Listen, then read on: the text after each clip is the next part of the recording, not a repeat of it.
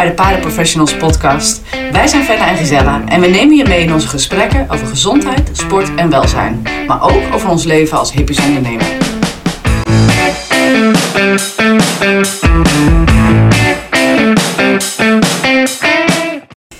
Nou, daar zitten we dan bij onze eerste podcast. Ja, Hoe voelt dat nou? ja, leuk. En ergens ook spannend. Ja, zeker. Want we praten natuurlijk heel vaak, of dat nou aan de telefoon is of als we elkaar zien. Maar nog niet in deze setting. Nee, het is toch anders hè, met een microfoon voor je neus? Ja, ja. ja gelukkig hoeven we geen liedjes in te zingen, want Nee. dat zou niet goed Nee, komen. dat zou niet goed komen. Nee. Maar ja, misschien wel heel leuk om meteen te vertellen van ja, hoe we op het idee zijn gekomen van deze podcast. Want we hebben elkaar leren kennen toen ik bij jou de sportmasseuropleiding deed. Klopt. En al vrij snel kwamen we er natuurlijk achter dat we best veel gemeen hadden. Zowel in ons leven als ondernemer, in het gezin. Maar ook over hoe we over dingen dachten. Ja, eigenlijk heel onze visie op de paardensport blijkt heel mooi op elkaar aan te sluiten. Nou, we kunnen ook wel goed discussiëren. Ja, dat ook. We hoeven het niet overal over eens Nee, te zijn, want dat nee. zou ook saai worden. En juist ook die verschillen maakt dat we elkaar mooi aanvullen. Ja. En ik denk dat ook zo wel een beetje het idee is ontstaan voor deze podcast.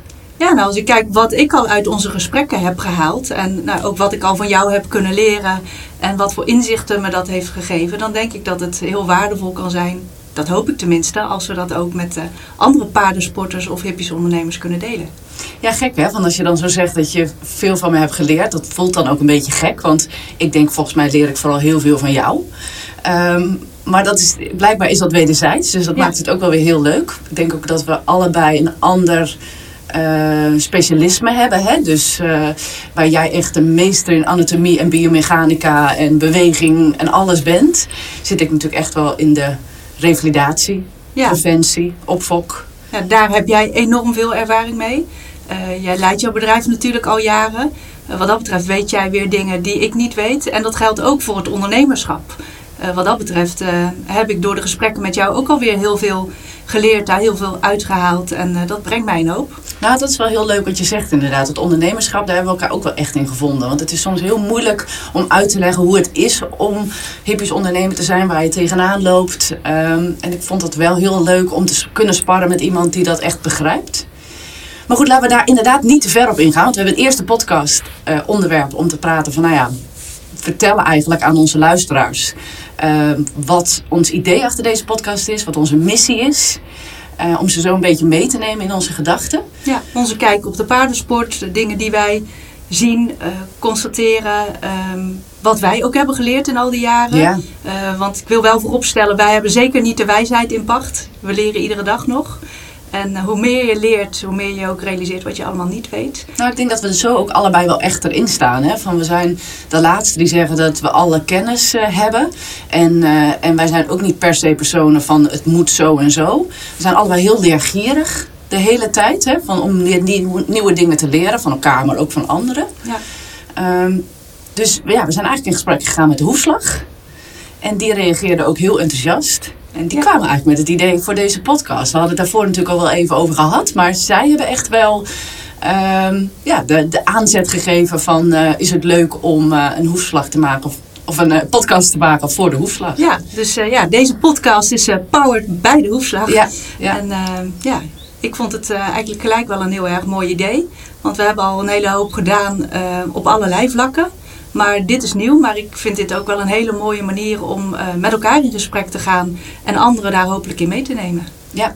Hey, en als we het dan hebben over onze missie. Ik vind altijd wel dat jij dat echt heel goed kan uitleggen. Wat, hoe zou je onze missie omschrijven? Oh, jij vindt dat ik dat goed kan uitleggen? ik, denk, ik gooi de bal van bij jou Ja, ja nee, geen druk verder. Nou, onze missie, ja, ik denk dat we dan moeten beginnen. Het klinkt een beetje saai, maar met, met de visie van hoe kijken we dan eh, naar die paardensport? Wat, wat zien wij aan ontwikkelingen? En ik denk dat het een prachtige sport is. En ik zie ook wel dat er de afgelopen jaren heel veel veranderd is, ook wel ten goede.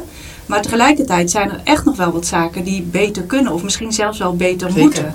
Eh, we hebben inmiddels toch ook wel een beetje de hete adem in de nek van eh, wat dierenrechtenorganisaties.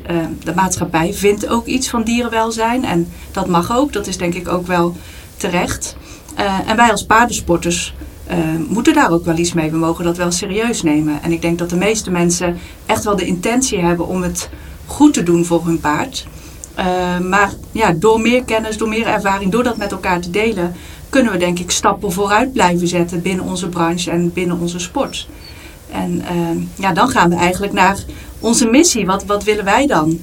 En ehm, ja, als ik naar mij kijk, uh, naar mezelf, uh, maar ik denk inmiddels te weten dat jij uh, die missie wel deelt, is dat we heel graag een mooie bijdrage willen leveren aan dat paardenwelzijn. Dat we ons realiseren dat daarvoor dus inderdaad een stukje kennis nodig is over hoe zit een paard in elkaar, waar voelt hij zich goed bij, hoe zit hij fysiek in elkaar, waar heeft hij mentaal behoefte aan. En um, door die kennis te delen, maar ook door uh, de begeleiding en behandeling van paarden, en wij richten ons veelal op sportpaarden, uh, denk ik dat we uh, veel paarden en hun eigenaren daarmee kunnen helpen. En dat doen we enerzijds door daadwerkelijk een paard fysiek te begeleiden en te behandelen. En anderzijds ook door dit soort acties, dus bijvoorbeeld deze podcast. en het delen van kennis en het in gesprek gaan met verschillende paardensporters. Ja, nou helemaal eens. Ik zei al, je kan dit heel goed uitleggen. Ja, nou, aan je lippen. Nee, het is echt heel goed uitgelegd. En ik denk inderdaad ook uh, wat we zeggen van, het, het, is, ja, soms wordt er zelfs gezegd het is al vijf over twaalf. Hè. De, de paardensport uh, uh, moet gaan veranderen. Ja. Um, maar hoe en, en op welke manier? Daar zijn natuurlijk een heleboel mensen druk mee. Ja. Um, wat is voor jou het, het moment geweest um, dat je eigenlijk hebt gedacht van nu moet er echt iets gaan veranderen? Is dat in de loop van de tijd gebeurd? Als ik naar mezelf kijk, ik, ik run mijn bedrijf nu tien jaar en, en nou ja, als ik nu terugkijk, dan heb ik toen ook wel dingen gedaan waar ik nu niet meer achter sta. Hè? Hoe meer ik leer, hoe meer ik heb geleerd, hoe meer eigenlijk ik anders naar dingen ging kijken. En dacht, oh, dat was echt heel dom wat ik toen deed.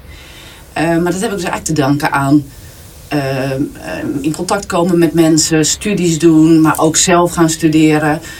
maar zeker ook heel veel gaan luisteren naar mensen. ja, dus eigenlijk zullen er een heleboel mensen zijn die denken dat ze het gewoon goed doen. Maar waar ook nog steeds een heleboel verbetering mogelijk is. Ja, nou dat herken ik wel. Ik heb vroeger ook dingen gedaan waarvan ik nu denk van dat, dat had ik beter anders kunnen doen. Of gewoon ronduit, dat was gewoon fout of dat was gewoon slecht. Terwijl ik het met de beste intenties deed. Laat maar raden. Bandages. Bandages, ja. Hele mooie. Rood met groene. Stretchbandages. Oh, ja. Ja, ja. Of echte witte, hè. De witte ja. bandages, ja. Altijd een crime om op te rollen natuurlijk. Uh, maar wel heel handig om te wassen.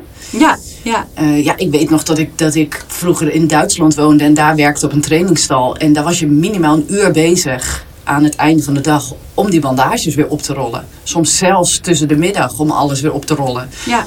Uh, terwijl nu, met de kennis die er nu is, weet ik dat er nog steeds heel veel bandages gebruikt worden. Uh, ik weet onze mening erover. Hè, dat het onderzoek echt wel heeft aangetoond dat bandages um, ja, niet goed zijn voor het welzijn van het paard. Ja. Uh, maar toch wordt het nog steeds veel gebruikt. Ik gebruik dat voorbeeld wel vaak. Hè, van, maar hoe kan het nou dat er zoveel onderzoek is naar iets wat niet goed is voor het paard, maar dat nog steeds gebruikt wordt? Ja, ik denk dat het een, een gewoonte is, uh, ook misschien een beetje mode. En het geeft nooit een uh, korte termijn gevolg, een negatief gevolg. Nee, dat, dus heb je echt gelijk het is heel moeilijk om eventuele blessures achteraf te koppelen aan het gebruik van bandages. Terwijl we weten als die temperatuur oploopt dat dat wat schade kan geven in het peesweefsel, onomkeerbare schade. Maar dat betekent niet dat het paard meteen met een blessure staat. Alleen het kan de kans vergroten uiteindelijk op een peesblessure. Ja. En dan zal er niet zo heel snel gekeken worden naar nou, uh, de dat, rol van bandages. Dat kan natuurlijk ook niet. Hè? Want ik denk nee. dat uh, van alle paarden die met peesblessures bij ons op het revalidatiecentrum komen...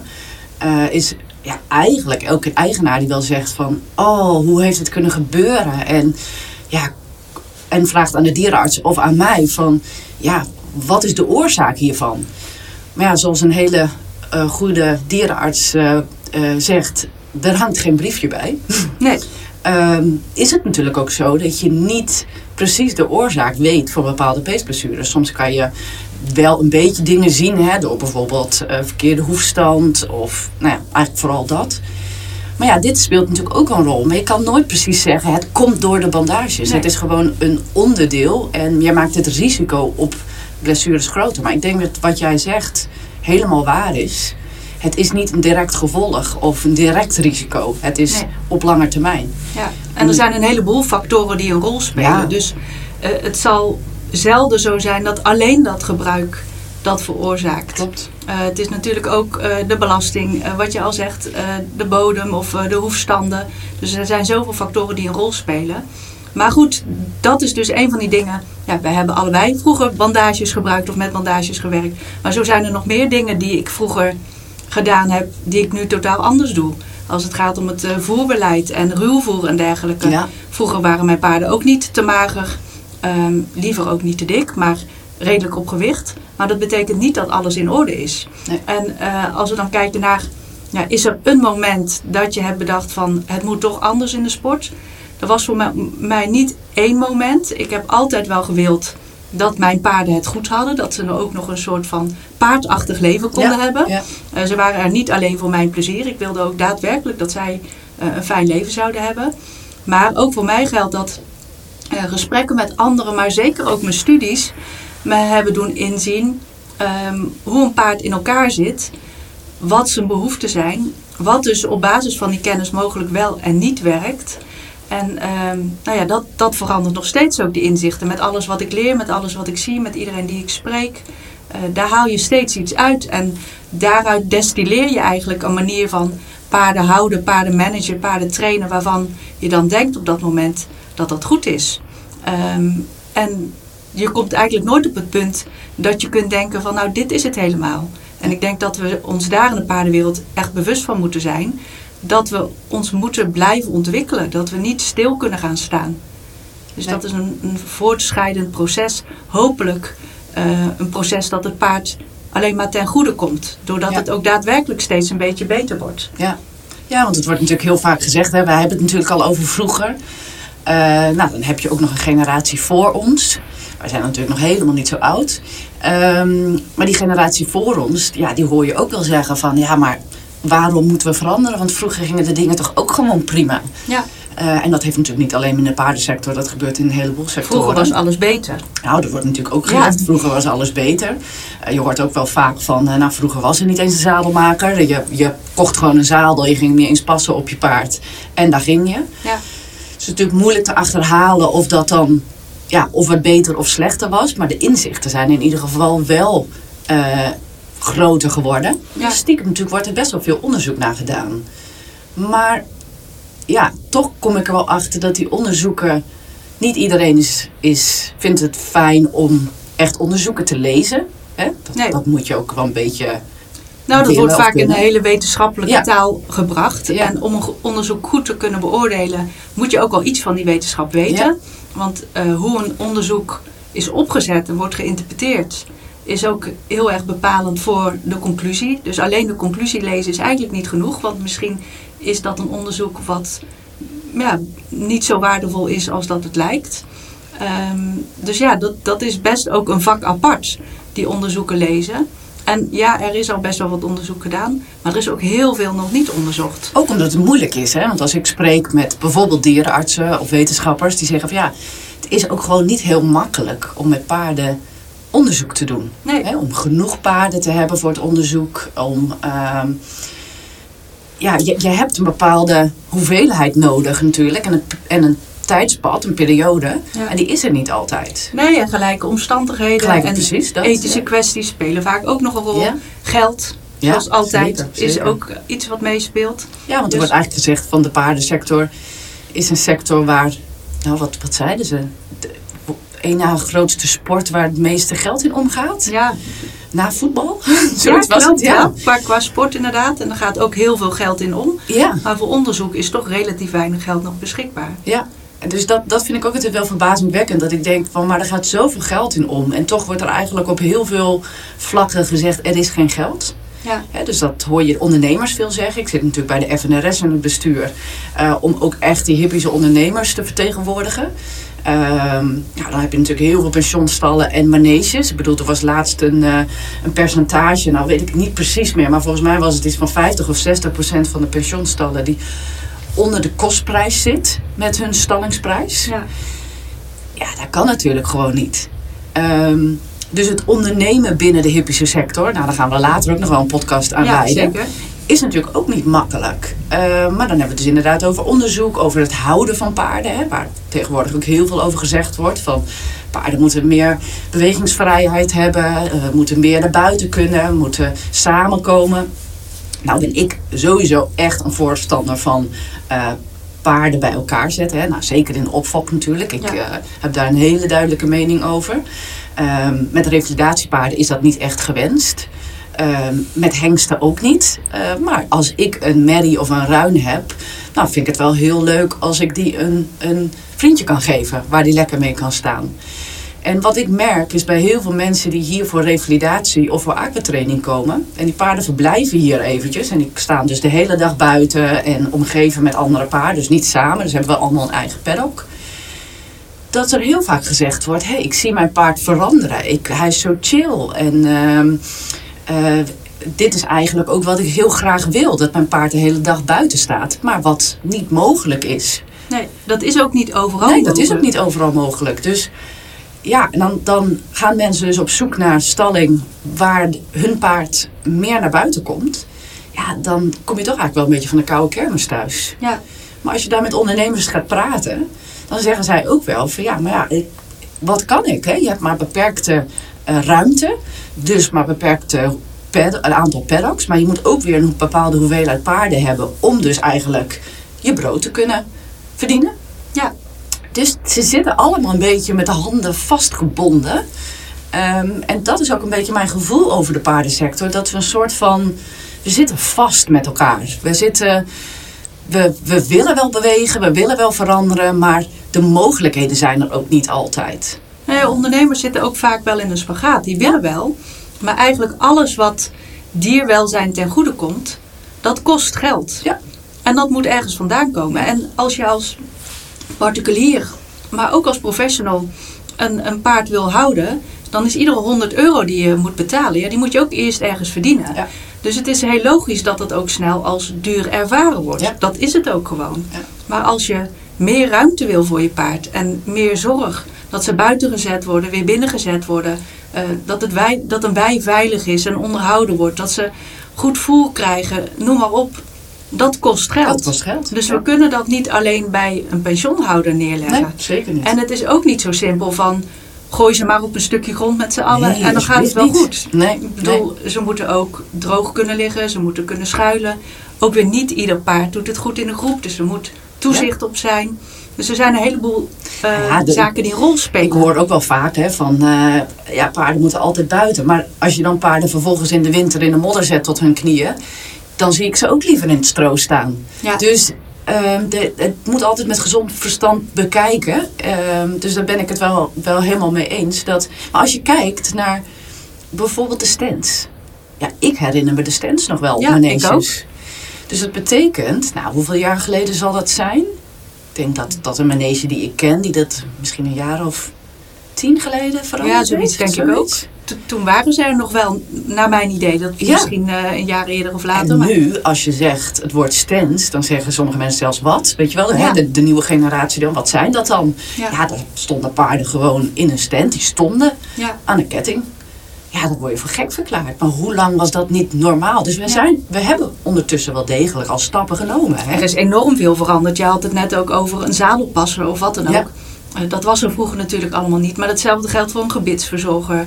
Eh, voor mij als fysiotherapeut, eh, toen ik begon, toen bestond het al wel. Maar was het nog absoluut niet heel normaal. Ja, dat is wel leuk dat je dat zegt. Dat dacht ik toevallig aan. Want je had op social media gezegd van je wilde eigenlijk heel graag dierenarts worden.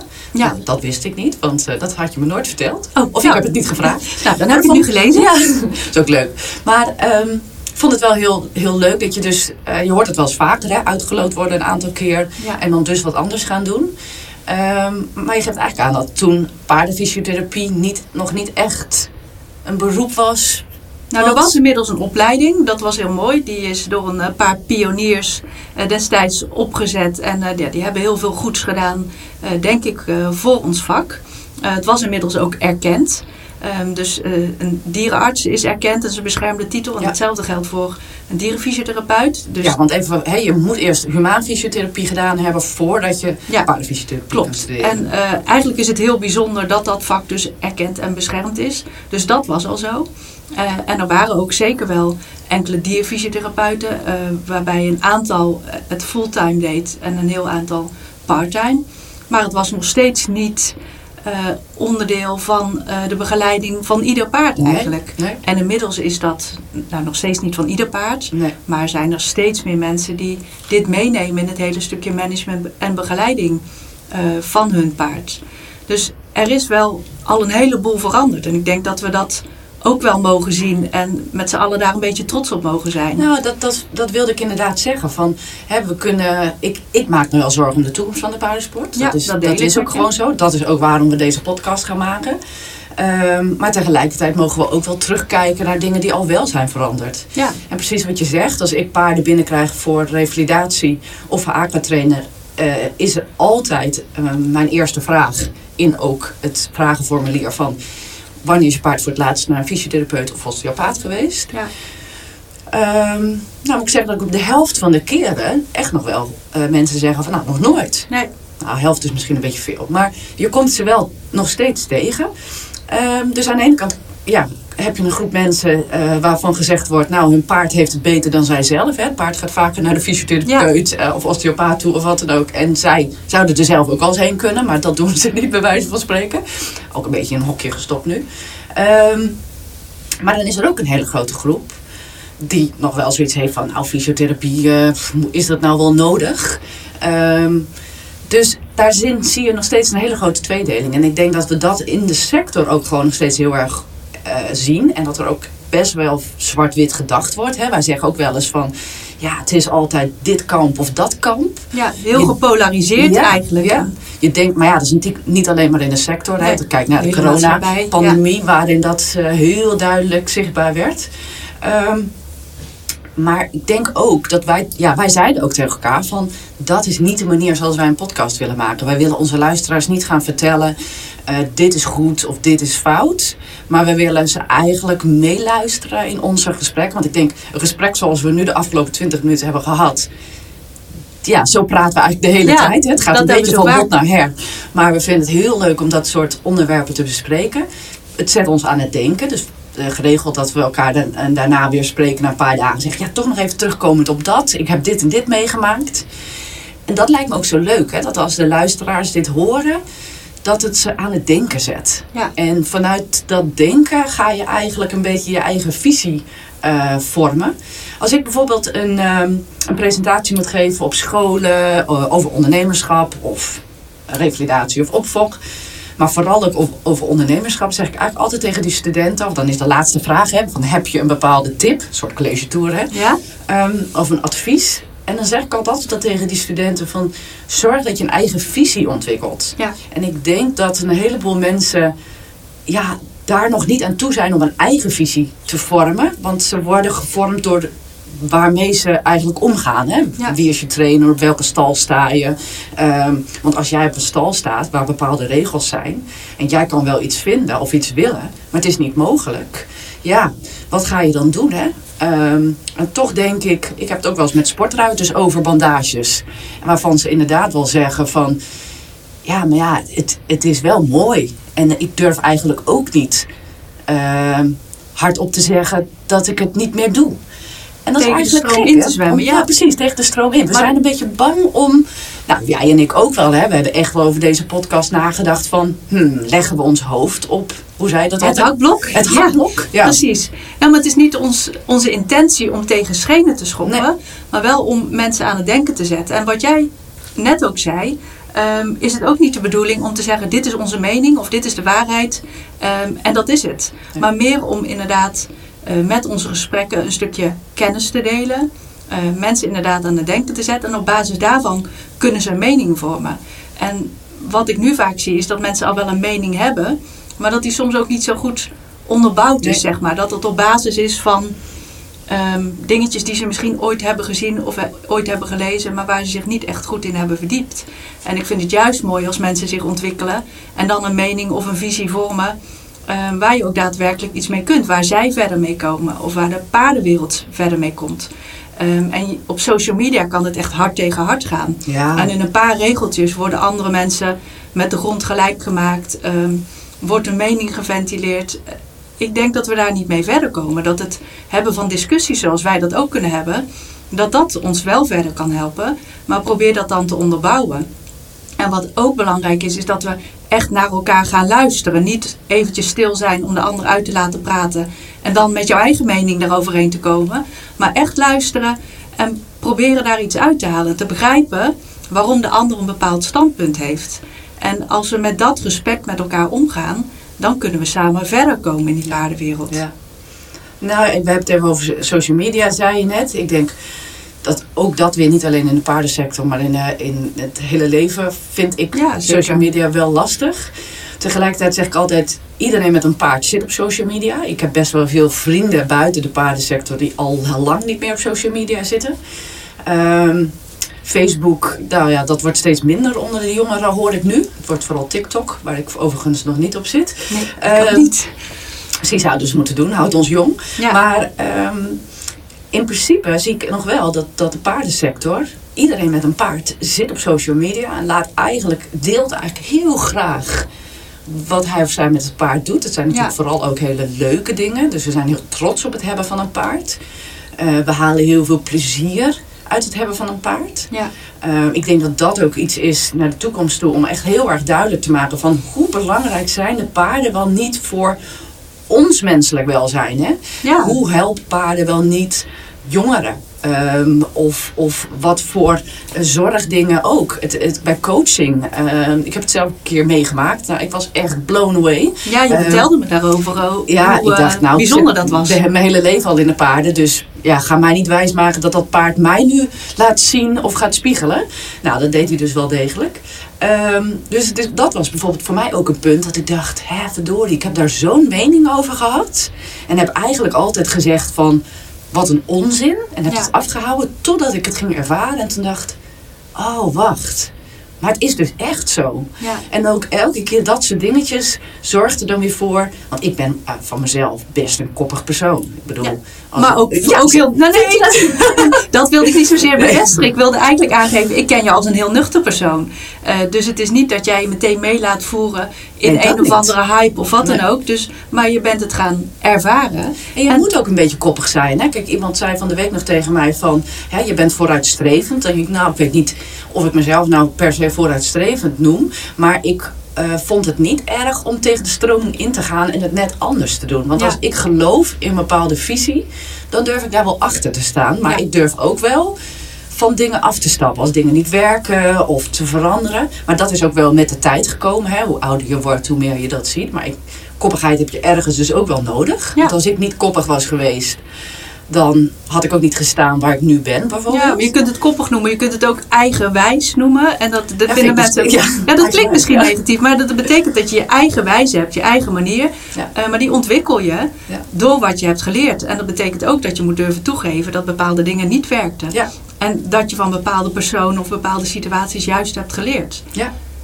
En eh, nou, zo zit het in de paardenwereld denk ik ook. Dat we met z'n allen iedere dag nog leren van elkaar en van onze paarden. En we zijn al denk ik van ver gekomen.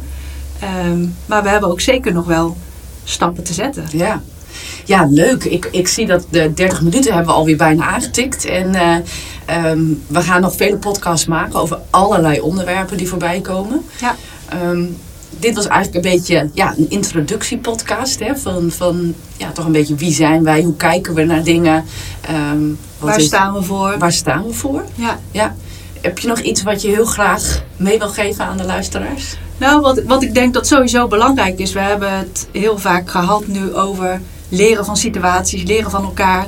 Maar wat wij allebei ook heel erg belangrijk vinden is om samen te werken. Ja, Zoals wij dat nu bijvoorbeeld zeker. doen. Ja. Maar ik denk dat dat onder andere ook de kracht van jouw bedrijf is in het hele revalidatieproces. Dat je samenwerkt met diverse deskundigen. Ehm, en ik vind dat in de hele paardensector eigenlijk belangrijk. Dat, Ja. dat ieder kan doen waar hij goed in is. Maar dat je ook vooral probeert elkaar aan te vullen. En ook aandurft te geven van... dit valt niet binnen mijn expertise, daar heb je weer iemand anders voor nodig. Nou ja, hier kan ik natuurlijk eigenlijk bijna een hele podcast aan wijden over samenwerken. Nou, Eh, misschien doen we dat nog wel een Ja, keer. goed idee. Ehm, maar ik vind het inderdaad ontzettend belangrijk. En als ik kijk, wanneer ehm, wordt iets een succes? Dat is op het moment als iedereen in zijn eigen kracht blijft staan. Ja. Dus, en eigenlijk om het simpel te zeggen, iedereen blijft op zijn eigen stoel zitten. Ik ga niet op de stoel van de dierenarts zitten. Ik ga niet op de stoel van de fysiotherapeut zitten. Ehm, zij gaan ook niet op mijn stoel zitten. Dus ik heb een team gecreëerd om mij heen voor het bedrijf. Maar dat had ik eigenlijk toen, toen ik eigenlijk de sport eh, internationaal beoefende, had ik ook al een team om me heen. Een team Ja. van mensen die ik vertrouwde, die ik kon bellen. eh, van hé, hey, ik, ik merk dit en dit bij mijn paard. Moet ik me zorgen maken? Want ik her- herken als geen ander dat je je enorm zorgen kan maken om je paard. Ehm, maar dat team van hoefsmid tot, tot fysio, tot dierenarts, eh, tot iemand die eh, je met voeding helpt, is zo belangrijk. En dat is inderdaad de basis van het bedrijf. En daarin hebben wij ons ook gevonden. Ehm, maar er worden heel vaak vragen aan mij bijvoorbeeld gesteld. Die ik zeg, ja, ik kan dat niet beantwoorden, want ik ben niet dierenarts. Nee. Ik ben Fenna, ik heb dit bedrijf, ik organiseer alles. Ik zorg dat alles met elkaar communiceert om jouw paard zo goed mogelijk hieruit te laten komen. Ja. En ik zie wel dat ook dit wel een, een aandachtspunt is eh, voor de toekomst. Want mensen die raken soms echt verdwaald in het bos van de specialisten. Ja, het is we- ook lastig. We noemen dit de Paardenprofessionals podcast, omdat we, we, eh, we praten samen als professionals. We willen ook met professionals gaan praten, maar we gaan ook tegen professionals praten. Hè? Dus professional komt in alle mogelijke manieren terug in onze podcast. Maar die professionals die moeten gaan samenwerken om, de, om het paard en de eigenaar zo goed mogelijk samen te, of, eh, eh, te laten functioneren eigenlijk. Want als iemand bij de dierenarts komt en die krijgt een rapportage mee waar hij eigenlijk maar de helft van snapt, vervolgens zelf naar de fysiotherapeut moet en moet gaan uitleggen wat er bij de dierenarts gezegd is, dat werkt al Nee, niet. dan zit er al heel veel ruis op de lijn. Ja. En jij refereerde net even aan jouw internationale trainingcarrière. Ehm, nou, dan, dan train je op hoog niveau. Ehm, mensen zullen dan begrijpen dat zo'n paard ehm, veel begeleiding nodig heeft om op dat niveau te kunnen eh, presteren. Dus dat je inderdaad een team van mensen om je heen verzamelt. Maar wat ik ook nog eventjes wil benadrukken hierin, dat geldt niet alleen voor paarden die in de internationale nee, sport lopen. zeker niet. Ehm, juist ook voor paarden op basissportniveau of op sub-topniveau. Ja. Eh, het geldt eigenlijk voor ieder paard. Ieder paard heeft eigenlijk een team van professionals om zich heen nodig. Ehm, en ja, daar, daar wordt hij beter van. Of in ieder geval, daar, daar blijft hij hopelijk zo gezond mogelijk bij.